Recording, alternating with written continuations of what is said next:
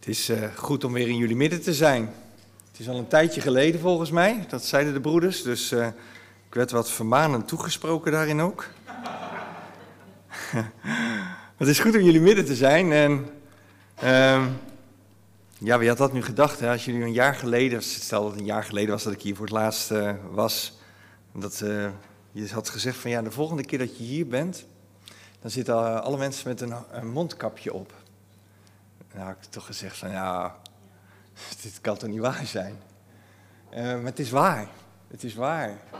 Maar hoe je daar verder ook over denkt en hoe je daar ook mee omgaat, God is dezelfde. Amen. Door al die eeuwen heen. En, dus, dus, en zijn woord is nog steeds even krachtig als een jaar geleden. Uh, dus uh, we hebben goede moed, toch? Nog steeds? Ja, we mogen zien op de Heer Jezus. We mogen op Hem vertrouwen.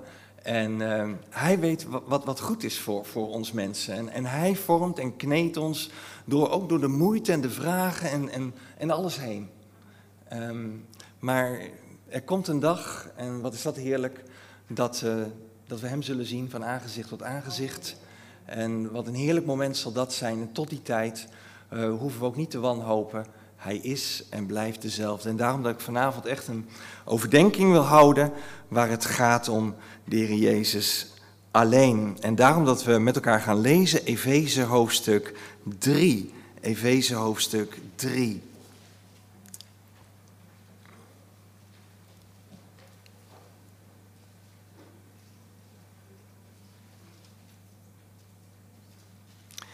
Efeze hoofdstuk 3. En ik begin te lezen bij vers 14.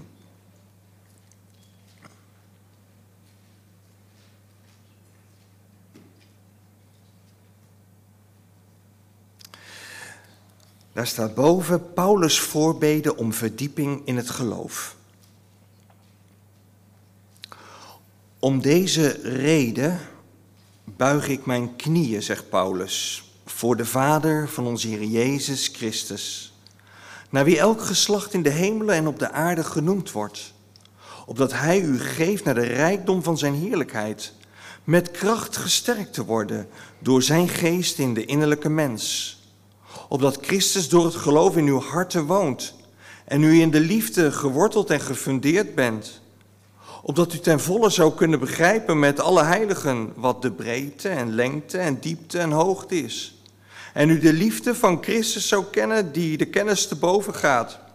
Opdat u vervuld zou worden tot heel de volheid van God. Hem nu, die bij macht is te doen, ver boven alles wat wij bidden of denken, overeenkomstig de kracht die in ons werkzaam is. Hem zij de heerlijkheid in de gemeente, door Christus Jezus, in alle geslachten, tot in alle eeuwigheid. Amen. Ik ga bij twee punten ga ik stilstaan vanavond. En het eerste punt is aanbidding. Aanbidding. En we gaan dat doen aan de hand van twee versen en het eerste vers is, als het gaat om aanbidding, vers 14. Om die reden, om deze reden, buig ik mijn knieën. En dan sla ik het hele gedeelte over en kom ik uit bij vers 21. Hem zij de heerlijkheid in de gemeente, door Christus Jezus, in alle geslachten, tot in alle eeuwigheid. Amen. Dat is aanbidding. 14 en 21 zijn, zijn woorden van, is een houding van aanbidding en zijn woorden van aanbidding. Nou, daar gaan we over nadenken, over eh, de houding. Eh, waarom buig ik Paulus nu zijn knieën? En uiteindelijk dat laatste vers, hem zeide heerlijkheid. En het tweede gedeelte waar ik met jullie over na wil denken, dat is de aansturing, de aansporing. Waarom komt Paulus uiteindelijk uit bij vers 21? Waarom komt hij tot die aanbidding? Nou, daar zitten twee versen voor waar ik denk dat we iets kunnen vinden waarom hij uiteindelijk bij die aanbidding komt. En dat is de aansporing, de aansturing, je zou kunnen zeggen de bron van aanbidding. Nou, die zijn te vinden in vers 19 en 20. Daar ga ik zo meteen ook wat over zeggen. Maar we beginnen bij aanbidding, vers 14. Om deze reden buig ik mijn knieën. Daar zien we een gebedshouding. Knielen. Is dat de enige gebedshouding die we in de Bijbel vinden? Nee, dat is niet de enige gebedshouding. We zien mensen zitten. We zien mensen staan. We zien mensen staan met opgeheven handen. We zien mensen op hun buik liggen. Dat zijn allemaal gebedshoudingen die we terugvinden in de Bijbel. Maar hier zien we een gebedshouding knielen. En het mooie van knielen is dat je je als het ware toch klein maakt voor een groot God. Je maakt je klein voor een heilig God. En daarom is knielen wel mooi, maar dan zou je eigenlijk toch ook moeten zeggen: het is meer dan alleen maar het fysieke, het lichamelijke knielen. Want in dat knielen wil, wil je eigenlijk zeggen: ook mijn gedachten, mijn gevoelens, alles wil ik brengen onder de heerschappij van God. Daarom maak ik mij klein. Daarom ga ik knielen. Niet alleen maar omdat ik lichamelijk klein wil zijn, maar ook mijn gedachten en alles wat in mij is, wil ik klein maken voor die grote, heerlijke, majestueuze God. Dat is, om deze reden buig ik mijn knieën, de houding. Maar er staat ook om deze reden. En dat is toch wel interessant. Paulus, welke reden? Nou zou je dat heel klein kunnen maken en terug kunnen gaan alleen maar naar Efeze 3. En daar is zeker, ik zal er zo meteen ook iets over zeggen, daar is zeker ook iets over te vinden. Waarom uiteindelijk uit gaat komen bij die houding van aanbidding. Maar ik ga het iets breder maken. Ik ga het iets groter maken. Om te kijken naar, om deze reden buig ik mijn knieën. Wat heeft hij nu vanaf Efeze 1 en Efeze 2 en Efeze 3. Wat heeft hij nu gezegd waarom je uiteindelijk uitkomt bij, ik maak me klein voor God. Het gaat nu alleen maar nog om de eer van, van hem. Kijk eens met me mee in Efeze hoofdstuk 1. Dus ik ga heel breed ga ik het neerzetten nu. Ik ga niet heel Efeze 1, 2 en 3 lezen, dat is onmogelijk. Ja, het is wel mogelijk, maar dan is mijn tijd een beetje om. Maar ik ga wel een paar dingetjes eruit halen, wat, wat uit wat uiteindelijk Paulus tot aanbidding brengt. Maar ik hoop ook dat het ons hart tot aanbidding brengt. Nou, laten we eens kijken wat hij zegt in Efeze hoofdstuk 1. Efeze 1, vers 3. Gezegend zij de God en Vader van onze Heer Jezus Christus, die ons gezegend heeft met alle geestelijke zegen in de hemelse gewesten in Christus. Dus toen je tot geloof kwam in de Heer Jezus, heb je alles in de Heer Jezus ontvangen. Ja, je hebt je hele geestelijk leven er verder voor nodig om te ontdekken wat het allemaal is. Maar je mag weten dat je het in Christus allemaal ontvangen hebt. Nou, dat is een heerlijke boodschap om mee te beginnen. Alle geestelijke zegeningen ontvangen in Christus en ons verdere leven nodig om te ontdekken, dit heb ik ook van Hem ontvangen en dit heb ik ook van Hem ontvangen. Dit is toch heerlijk? Nou, je zou het kunnen vergelijken met uh, het servies op een trouwdag. Vroeger, ik weet niet of dat tegenwoordig nog zo is, maar vroeger was het toch vrij normaal om een servies helemaal te krijgen. Hebben jullie dat nog gehad? Dus een heel servies. Ja, ja, dat is natuurlijk jouw tijd nog, Hugo. Hè? Dus ja, ja, dus een heel servies. En, en dan ga je, dan zet je dat weg, hè. En dan denk je, joh, dit, dit kleine schuldertje hebben we ook nog gekregen.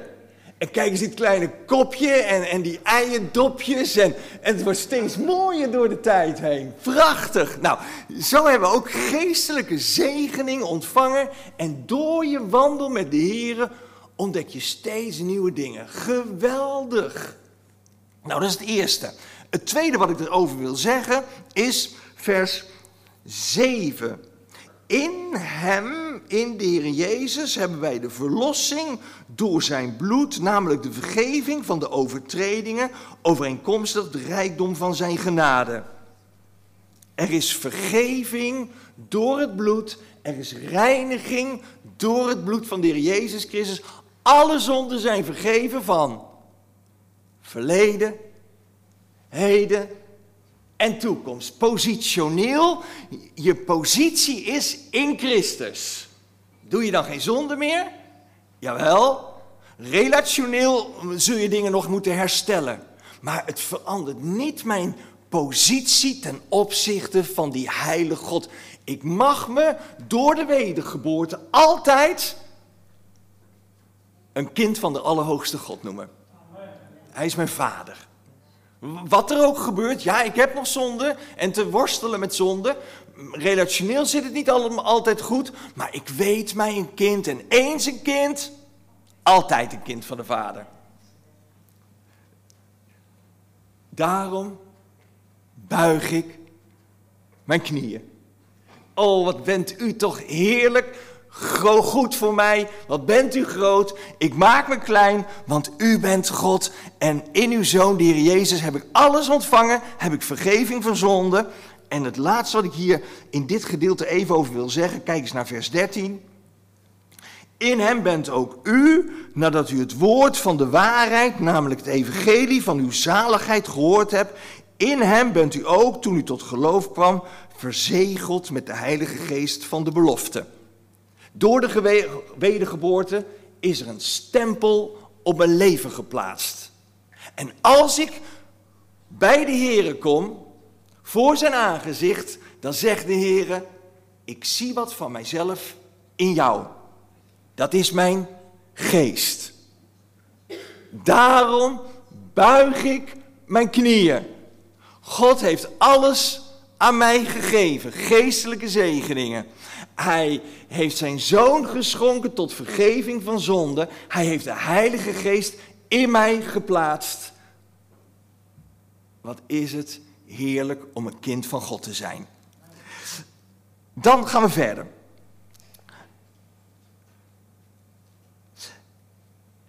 Vers 22 van hoofdstuk 1. En hij heeft alle dingen aan zijn voeten onderworpen en heeft hem als hoofd over alle dingen gegeven aan de gemeente. Dus het is persoonlijk, is de Heer Jezus Christus mijn redder, verlosser, de Heer, maar hij is ook de Heer van de gemeente. Wat er ook verder gebeurt in de gemeente, hij is het hoofd. En, en we mogen altijd ons uitstrekken naar hem. En hij weet wat goed is voor de gemeente. En de gemeente zal ook daarom ook nooit totaal vergaan van deze aardbodem. Want het is zijn gemeente. Hij is het hoofd. Hij heeft een plan. Verder. 2.5. 2.5. En toen wij dood waren door de overtredingen, met Christus levend gemaakt, uit genade bent u zalig geworden. Het is Gods genade in je leven. Je was dood en je bent levend geworden. Dat is Gods werk in jou. Dat is wedergeboorte. Dat is opnieuw geboren worden. Nou, ze, ze begin al een beetje te begrijpen door deze verse heen dat uiteindelijk hij uitkomt, Paulus uitkomt bij, om deze reden buig ik mijn knieën.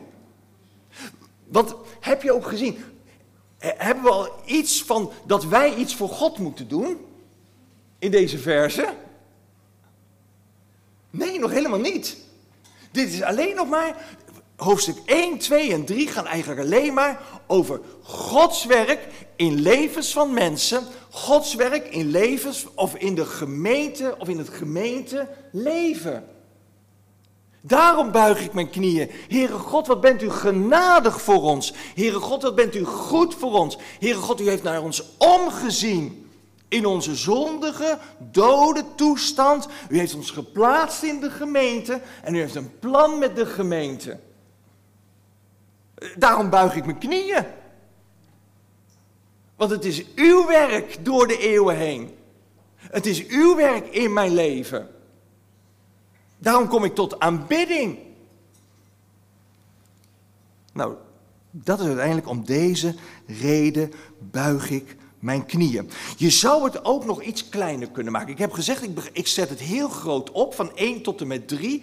Maar er zijn wel uitleggingen die zeggen, nee, je moet het heel klein houden. Je moet eigenlijk even om het bochtje kijken. Wat heeft hij nou hiervoor besproken? Nou, en daar is absoluut iets moois aan toe te voegen aan, aan hoofdstuk 1, 2. En dan zeg, moet je eens kijken in, in 3, vers 10.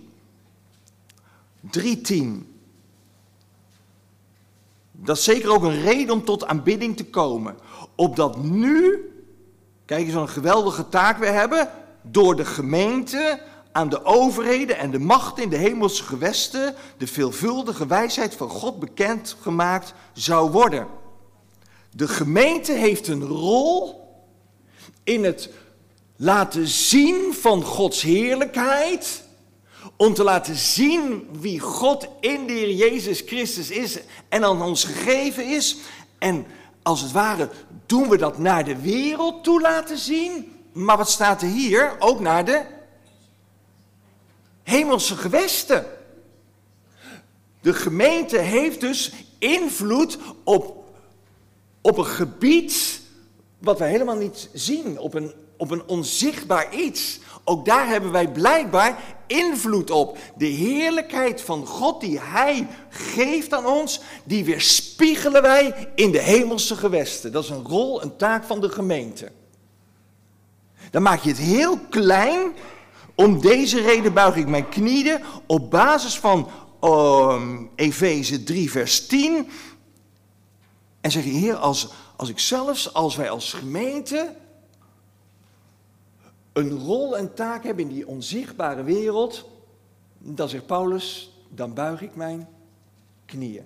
Dan ben ik onder de indruk van wie u bent en het grote plan wat u heeft met de gemeente. Nou, en uiteindelijk komt hij dan tot die aanbidding. Om deze reden buig ik mijn knieën en dan maak ik een hele grote stap en ga ik in één keer over naar 21, vers 21. Want daar staat er, dan, dan komt hij als het ware tot die lofprijzing, tot die aanbidding. Hem zij de heerlijkheid. God zij de heerlijkheid. En dan gaat het hier om God zelf, om wie hij is, zijn wezen. Gods naam is heerlijk. Zijn eigenschappen zijn heerlijk. Zijn goedheid is heerlijk. Zijn macht is heerlijk. Zijn heiligheid is heerlijk. Hij is volmaakt heerlijk. Dat is God. Dat is zijn wezen. Dat is wie hij is. Hem zij de heerlijkheid. Hem zij de eer. Hem zij de glorie. Want hij is volmaakt heerlijk. Dat brengt je tot aanbidding. Om te denken wie God is. Het gaat niet om ons. Het gaat om Hem. Hij glanst in alles. Zijn schoonheid is geweldig. Hij is majestueus. Er is niets en niemand met hem te vergelijken. En daarom buig ik mijn knieën. Hem zij de heerlijkheid, want hij is het waard om de eer en glorie van mij als persoon van de gemeente te krijgen.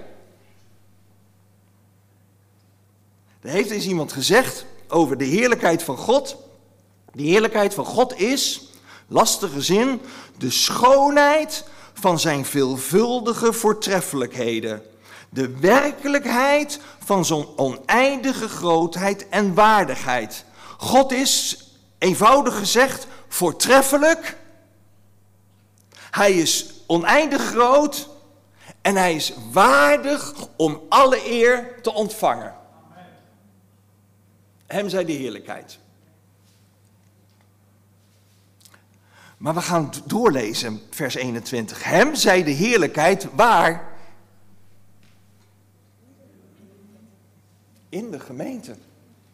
In de gemeente.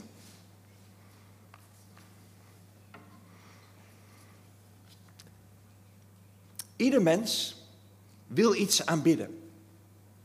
Een mens is per definitie een aanbidder van iets. Een artiest wordt aanbeden. Een sportclub wordt aanbeden. Een vlogger wordt aanbeden. Alles wordt aanbeden. Dat is wat de God in de mens gelegd heeft. Waarom heeft hij dat in de mens gelegd? Om hem te aanbidden. Hem zij de heerlijkheid in de gemeente. En, dus als het gaat om de gemeente, kijk, een sportclub wordt aanbeden in een stadion. Een zanger wordt aanbeden in een concertzaal. Een vlogger wordt aanbeden op een YouTube-kanaal. God wordt aanbeden in de gemeente.